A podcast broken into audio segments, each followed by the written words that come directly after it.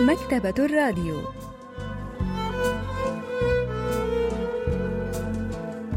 أهلا وسهلا بكم في حلقة جديدة من البرنامج الأسبوعي مكتبة الراديو الذي نستعرض من خلاله كتابا جديدا كل أسبوع.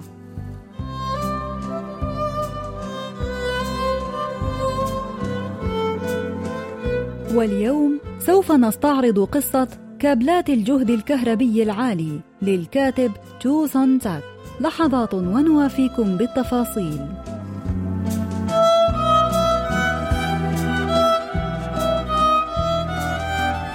كيف أبدأ حتى في وصف السعادة الغامرة التي شعرت بها وقد اشتريت منزلي الخاص أخيرا؟ بعدما ظللت أجمع المال لذلك الغرض لمدة إحدى عشر عاما كاملة. كما قالت زوجتي لا أريد حتى أن أتذكر كل الصعاب التي مررنا بها لنجمع واحد فاصل ثلاثة مليون وون لنشتري منزلا. قالت هل يجب أن نعيش هكذا؟ لا نستطيع أن نصف هذا الوضع بالعيش. تبدأ قصة كابلات الجهد الكهربي العالي للكاتب جو سون جاك بهذا المشهد الذي يدور بين رجل في السابعة والثلاثين وزوجته. نشرت القصة عام 1974 وهي تناقش حياة رجل يعمل بجد كي يجمع المال الكافي لشراء منزل خاص به وزوجته التي تبالغ في الاقتصاد إلى درجة أنها تذهب إلى حمامات الساونا العامة كي تجمع بقايا الحساء. لابد أن زوجتي وليس أنا هي من شعرت بعذاب العيش في هذه الحجرة المستأجرة يجب أن أحترم عزيمة زوجتي القوية وقسمها المتكرر بأنها سوف تمتلك منزلا خاصا بها.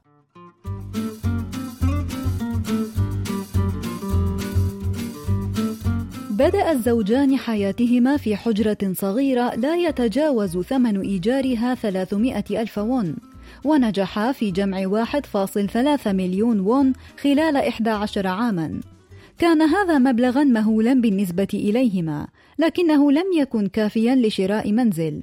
لكن الزوجة أصرت على زيارة سمسار عقاري رغم ذلك لرغبتها في تفقد المتاح. ورغم أن الزوج كان يعرف أن المال الذي يملكه ليس كافيا لم يستطع أن يرفض طلب زوجته وبدأ في التردد على مكاتب الوكالة العقارية في عطلة نهاية كل أسبوع.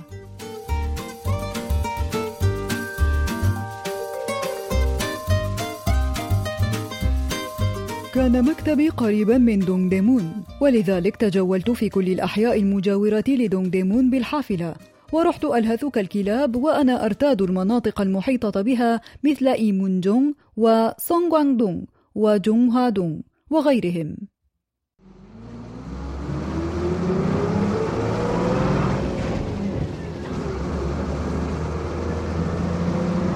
ركبت الحافلة حتى أماكن بعيدة من سيول مثل كيومونري وسونغنام وبحلول وقت العودة إلى المنزل شعرت أن رجلاي تزنان طنا سألتني زوجتي أين ذهبت اليوم؟ كيف كان المنزل؟ كم كان سعره؟ أخرجت مخططات المنازل التي زرتها في ذلك اليوم وأريتها إياها وأنا أخبرها بأثمانها قالت لا هذا ليس مناسبا كانت ترفض المنازل بسبب العيوب التي تجدها فيها. منزل يتجاوز ميزانيتنا وآخر قريب أكثر من اللازم من مصانع الفحم وثالث قبيح ورابع به عطن وآخر يجاور السكة الحديد أو يواجه الشمال الخ لكنها لم تكن وحدها تبحث عن المنزل المثالي رغم الميزانية المحدودة. أنا أيضا كنت أعدد العيوب في المنازل التي أزورها كلما انتهيت من وصفها. كان ذلك المنزل جيدا لكن الطريق المؤدي إليه كان ضيقا جدا لن يتسع حتى لعربة. اذا يجب أن نصرف النظر عنه. لم يكن البحث عن منزل مناسب بميزانية محدودة امرا سهلا. الناقدة الأدبية جون سو يونغ تحدثنا عن صعوبة شراء المنازل في سبعينيات القرن الماضي. 사실 한국 전쟁 이후부터 이 주택 부족의 문제가 심각했습니다. 더군다나 1970년대에는 한국 사회에서 산업화가 가속이 되면서 بدأ نقص المساكن يشكل أزمة حادة منذ وقت الحرب الأهلية الكورية. في سبعينيات القرن الماضي شهدت كوريا عمليات تصنيع سريعة أدت إلى زيادة تعداد السكان في المدن بشكل كبير. وأراد الكثير من الناس أن يتنقلوا إلى العاصمة سيول، لكن أغلبهم كان عاجز عن شراء منزل خاص، واضطروا إلى استئجار أماكن للسكن والانتقال المتكرر المستمر من سكن إلى آخر. وكانت الرغبة في الحياة المستقرة في منزل يملكه المرء رغبة مشتركة بين سكان سيول في ستينيات وسبعينيات القرن الماضي. والقصة ترينا كيف كانت حياة الكوريين في ذلك الوقت وكيف كانت آمالهم. تعرف الراوي على معلومة مفيدة بعد تردده على مكاتب الوكالة العقارية لمدة ثلاثة أشهر. علم أنه يستطيع أن يشتري منزلا قيمته 2.45 مليون وون ب 1.3 مليون وون فقط إذا أخذ قرضا قيمته 900 ألف وون من المصرف وأجر حجرة من حجرات المنزل. ووجد منزلا مناسبا أخيرا في منطقة جونغوكتونغ التي كان قد تم تطويرها. كان الشارع أمام المنزل يتسع لمرور شاحنة كبيرة وكان المنزل مواجها للجنوب. كما كان قريبا من مختلف الخدمات والمرافق السوق ومدارس الأطفال ومستشفى وصيدلية. كان منزل الأحلام.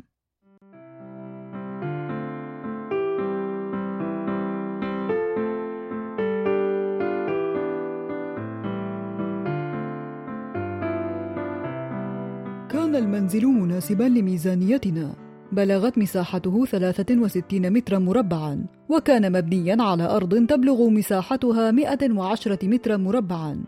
احتوى المنزل على أربع غرف إلى جوار الصالة وكان هناك مطبخا صغيرا ملحقا بواحدة من الغرف مما جعلها مثالية للمستأجرين المحتملين. كان المطبخ الأساسي مطبخا تقليديا يعمل بالفحم وهو ما كان يناسبنا لأننا لم نكن نستطيع تحمل تكلفة فواتير الغاز الغالية الثمن لتشغيل الموقد ونظام التدفئة بالمنزل. كان ثمن المنزل 2.7 مليون وون. حاول الراوي أن يخفض السعر قليلا بنقاش مع الوكيل العقاري، لكنه لم يكن راغبا في ذلك. اسمعني يا سيدي، هذا هو السعر المخفض بالفعل. لقد حاول آخر أن يشتري المنزل ب 2.5 مليون وون لكن هذا لم يكن مناسبا فاستسلم وترك الصفقة. لكنه ليس عرضا سيئا. رد الوكيل العقاري قائلا لكن الصفقة لم تتم. أصر الوكيل العقاري أن المنزل لم يكن غاليا نظرا لموقعه الممتاز. قال رغم إصرار الوكيل العقاري على موقفه بدا لي أنه يخفي شيئا ما لأنه كان حريصا على تجنب النظر إلى عيني مباشرة. لا بد أن هناك ما لم يخبرني به. سرت زوجة الراوي سرورا كبيرا عندما سمعت بأمر المنزل ولذلك قررت الأسرة كلها أن تزور المنزل في اليوم التالي وأن يذهبوا إلى مدينة الملاهي في طريق العودة.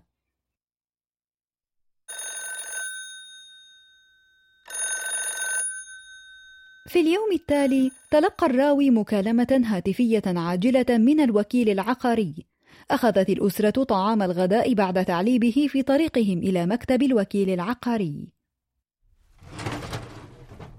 قال الوكيل العقاري: لقد أقنعتهم أخيرا بتخفيض الثمن إلى 2.6 مليون وون، إنها صفقة ممتازة. كان هذا يتجاوز الميزانية المتاحة، لكنهم قرروا أن يلقوا نظرة على المنزل أولا على أي حال.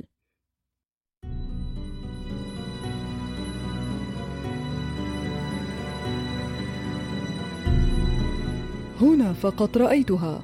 نظرت فرأيت كابلات الجهد الكهربي العالي. كانت كابلات الجهد الكهربي العالي تمر فوق منزل أحلام الراوي لتتصل بأبراج الصلب على امتداد سلسلة الجبال المحيطة. أدركت عندها ما كان الوكيل العقاري الخبيث يحاول إخفاءه أمس. كان من السهل ألا يرى المرء هذه الكابلات طبقا للزاوية التي ينظر منها المرء ولهذا لم أرها أمس.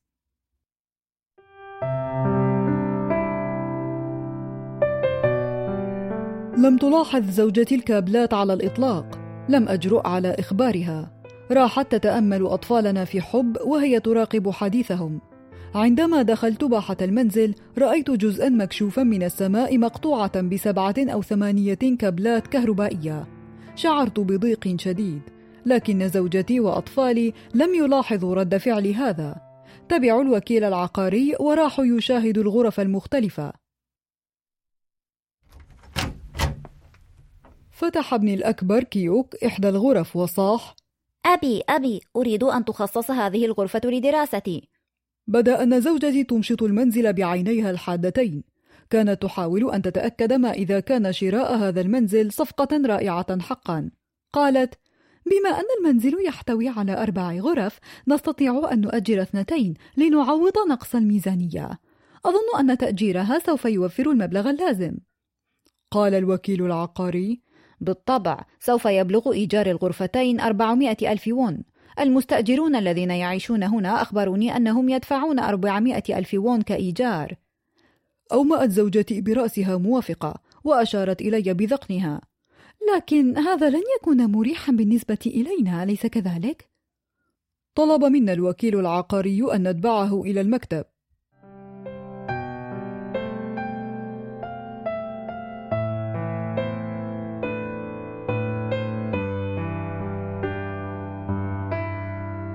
تأمل الراوي كابلات الجهد الكهربي العالي وهو يخرج من المنزل جعل زوجته وأبناءه يذهبون إلى مدينة الملاهي أولا قبل أن يوبخ الوكيل العقاري لقد رأيت خطوط نقل الكهرباء فوق سطح المنزل مباشرة تقلص وجه الوكيل العقاري لأقل من ثانية ثم رد قائلا وما مشكلة خطوط نقل الكهرباء؟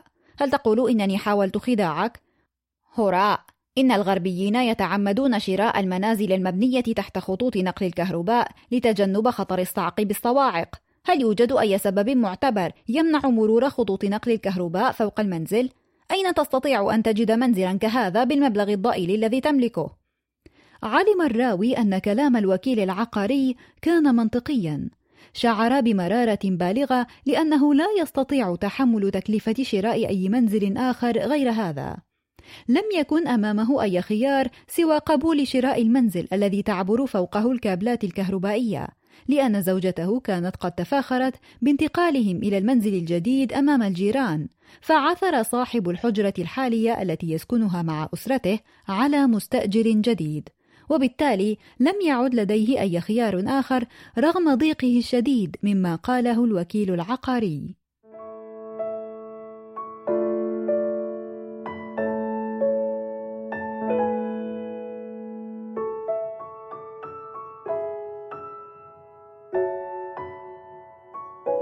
قررت أن أفكر بشكل مختلف بعد إتمام الصفقة. هناك الكثير من الناس لا يقدرون على شراء منزل كهذا، وهم مضطرون إلى العيش في منازل مستأجرة طيلة حياتهم.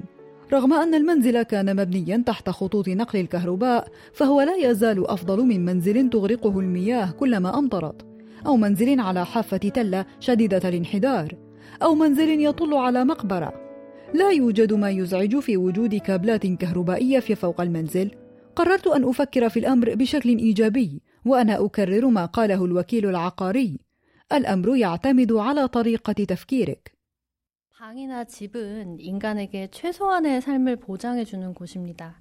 자기만의 공간에 있을 때 사람은 몸의 편안함은 물론이고 마음의 안정감도 얻을 수가 있죠. يعتبر المنزل أو مكان السكن ضرورة من ضروريات الحياة الأساسية فالمرء يشعر براحة جسدية ونفسية عندما يسكن في مكان يملكه. لكن أسرة الراوي لم تكن تمتلك مكان كهذا ولذلك كانت تقع تحت ضغط القلق المستمر من احتمال صعوبة تمديد فترة الاستئجار أو البحث عن مكان جديد مناسب. والراوي لا يعجبه أن يكون منزله تحت خطوط نقل الكهرباء لكنه كان يعرف أنه لن يجد منزل أفضل بالميزانية الضئيلة المتاحة له. فقرر أن يبرر القرار لنفسه بالتفكير في الأمر بشكل مختلف. أجرت أسرة الراوي حجرتين من حجرات المنزل واعتادت على الحياة في منزل تملكه الأسرة بالفعل. كانت الزوجة قد قررت أن تستمتع بالمنزل إلى أقصى حد ممكن وأن تمنح أطفالها كل ما بوسعها. فحصل الابن الأكبر على غرفة خاصة للدراسة واستطاع أشقاؤه الأصغر اللعب في حجرة المعيشة كما يحلو لهم دون أن يقلقوا من احتمال إزعاج صاحب المنزل. لم يكن الراوي يعلم ما إذا كانت زوجته قد لاحظت خطوط نقل الكهرباء التي تمر فوق المنزل لكن كل شيء كان يسير على ما يرام.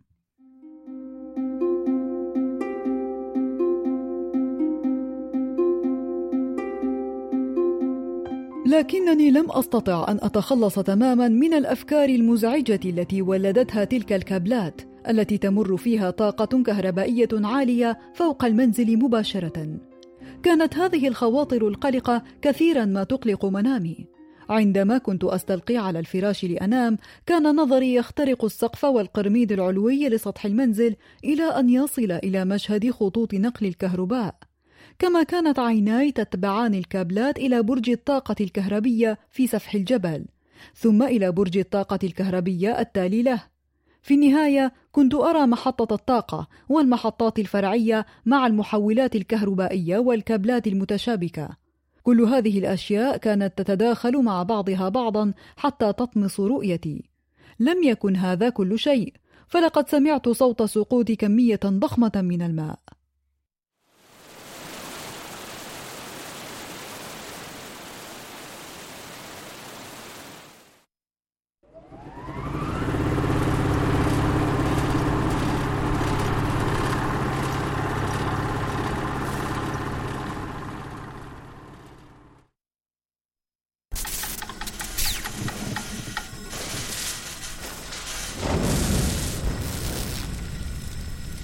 كان صوت التوربينات المعدني وصوت اهتزاز الكابلات السميكة وصوت محولات الكهرباء المشتعلة كلها أصوات مزعجة تهاجم أذني مرة واحدة.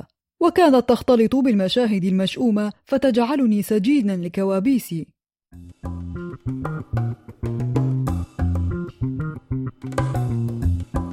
كنت غالبا ما أعاني من الصداع بعد كل ليلة أصارع فيها هذه الكوابيس. لكنني بدأت أدرك أنها كانت مجرد هلاوس غير مادية.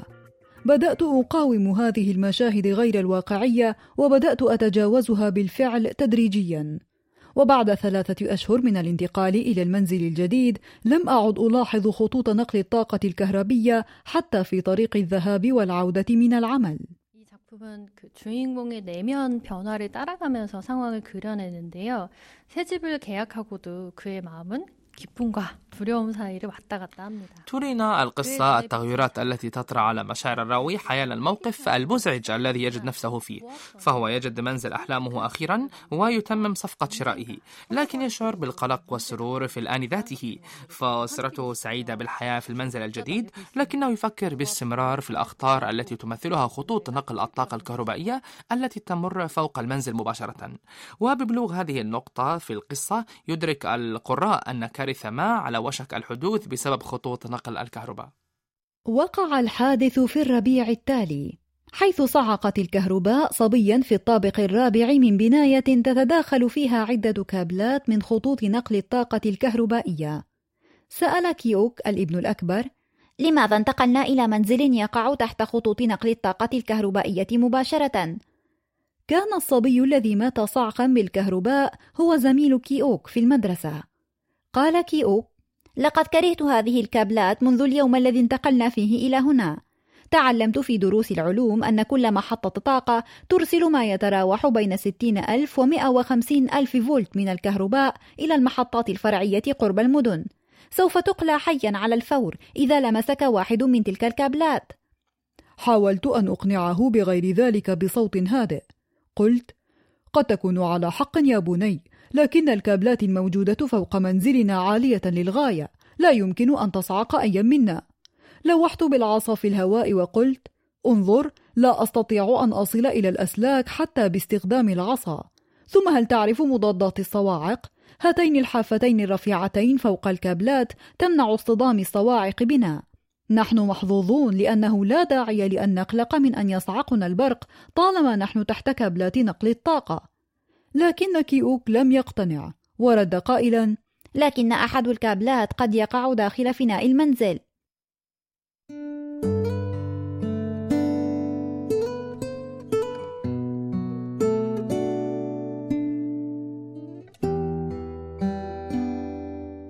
في تلك الليلة سألتني زوجتي لماذا لم ترى كابلات نقل الطاقة؟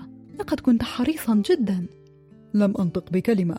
قالت لقد سمعت كيوك يقول إنه كان قلقا من ذلك الأمر منذ أن انتقلنا إلى هنا لكنه ظل صامتا ظللت أنا أيضا صامتة لأنني قلقت من أن تنزعج أنت أو أحد أبنائنا من الأمر لم يبدو الأمر مناسبا لكن الصفقة قد تمت وانتهى الأمر كان ذلك يعني أن السلام المزعوم الذي عشت فيه كان بسبب طيبة قلب أسرتي أذهلني ذلك الإدراك 굉장히 슬프고 안타까운 장면인데 주인공 가족에게 집이 얼마나 절실한 문제였는지를 잘 보여줍니다. هذا مشهد حزين. يرينا ما يعنيه المنزل بالنسبة إلى الأسرة وتعلم ابن الراوي الأكبر مخاطر كابلات نقل الكهرباء في المدرسة. ولا شك أنه شعر بخوف لا حد له حين رآها فوق المنزل لكنه احتفظ بمخاوفه لنفسه ولم يتفوه بكلمة. فحتى طفل صغير مثله كان مثله كان يدرك أن الحياة في منزل مستأجر من شخص آخر هي حياة بائسة. وكان الخوف من الفقر قد كتب خوفهم من كابلات نقل الطاقة الكهربائية. وكانت الأسرة بالكامل تشعر بقلق بالغ حيال السكن في منزل يقع تحت خطوط نقل الطاقة الكهربائية مباشرة. لكنها لم تستطع أن تفسح المجال لذلك القلق. وفي يوم الأحد ذهب الراوي إلى مكتب الوكالة العقارية دون أن يخبر أسرته. حياه الوكيل العقاري وهو منهمك في اللعب ببطاقات اللعب.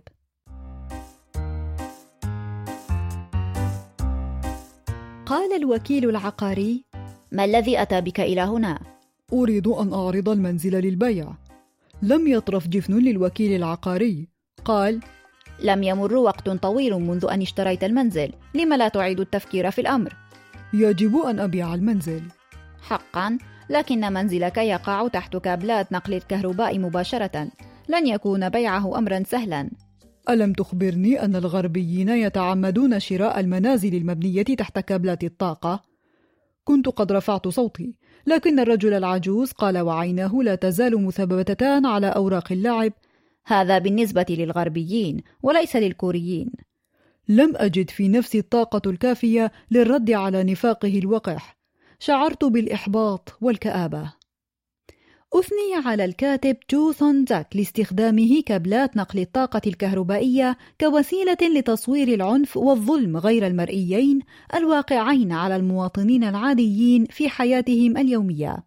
البروفيسور بانغ مين هو أستاذ الأدب الكوري يحدثنا عن ذلك. 조선작이라는 작가는 가난한 사람들의 삶을 애환을 참 잘 그렸고 그리고 거기서 رسم جوسون جاك صورة حية للواقع الحزين للفقراء والمخاطر التي يجب أن يتحملها وكابلات نقل الطاقة الكهربائية ذات الجهد العالي تمثل المخاطر التي تحيط دائما بحياة المواطنين الكوريين العاديين